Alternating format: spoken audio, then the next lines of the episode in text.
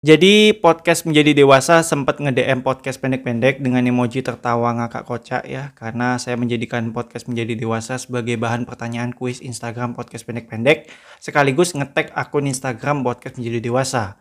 Kemudian kami ngobrol di DM ya.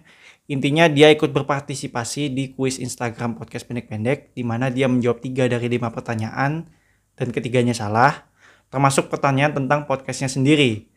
Padahal harusnya dia bisa cari jawabannya di Spotify atau di highlight Instagram story-nya dia sendiri. Tapi tidak apa-apa ya. Kemudian dia juga mengunggah ulang pertanyaan di kuis Instagram podcast pendek-pendek tentang podcastnya dia di Instagram story podcast menjadi dewasa.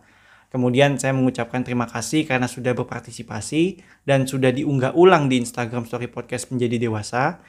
Dia juga mengucapkan terima kasih karena sudah mendengarkan podcast menjadi dewasa ya. Ya walaupun tidak semua episode.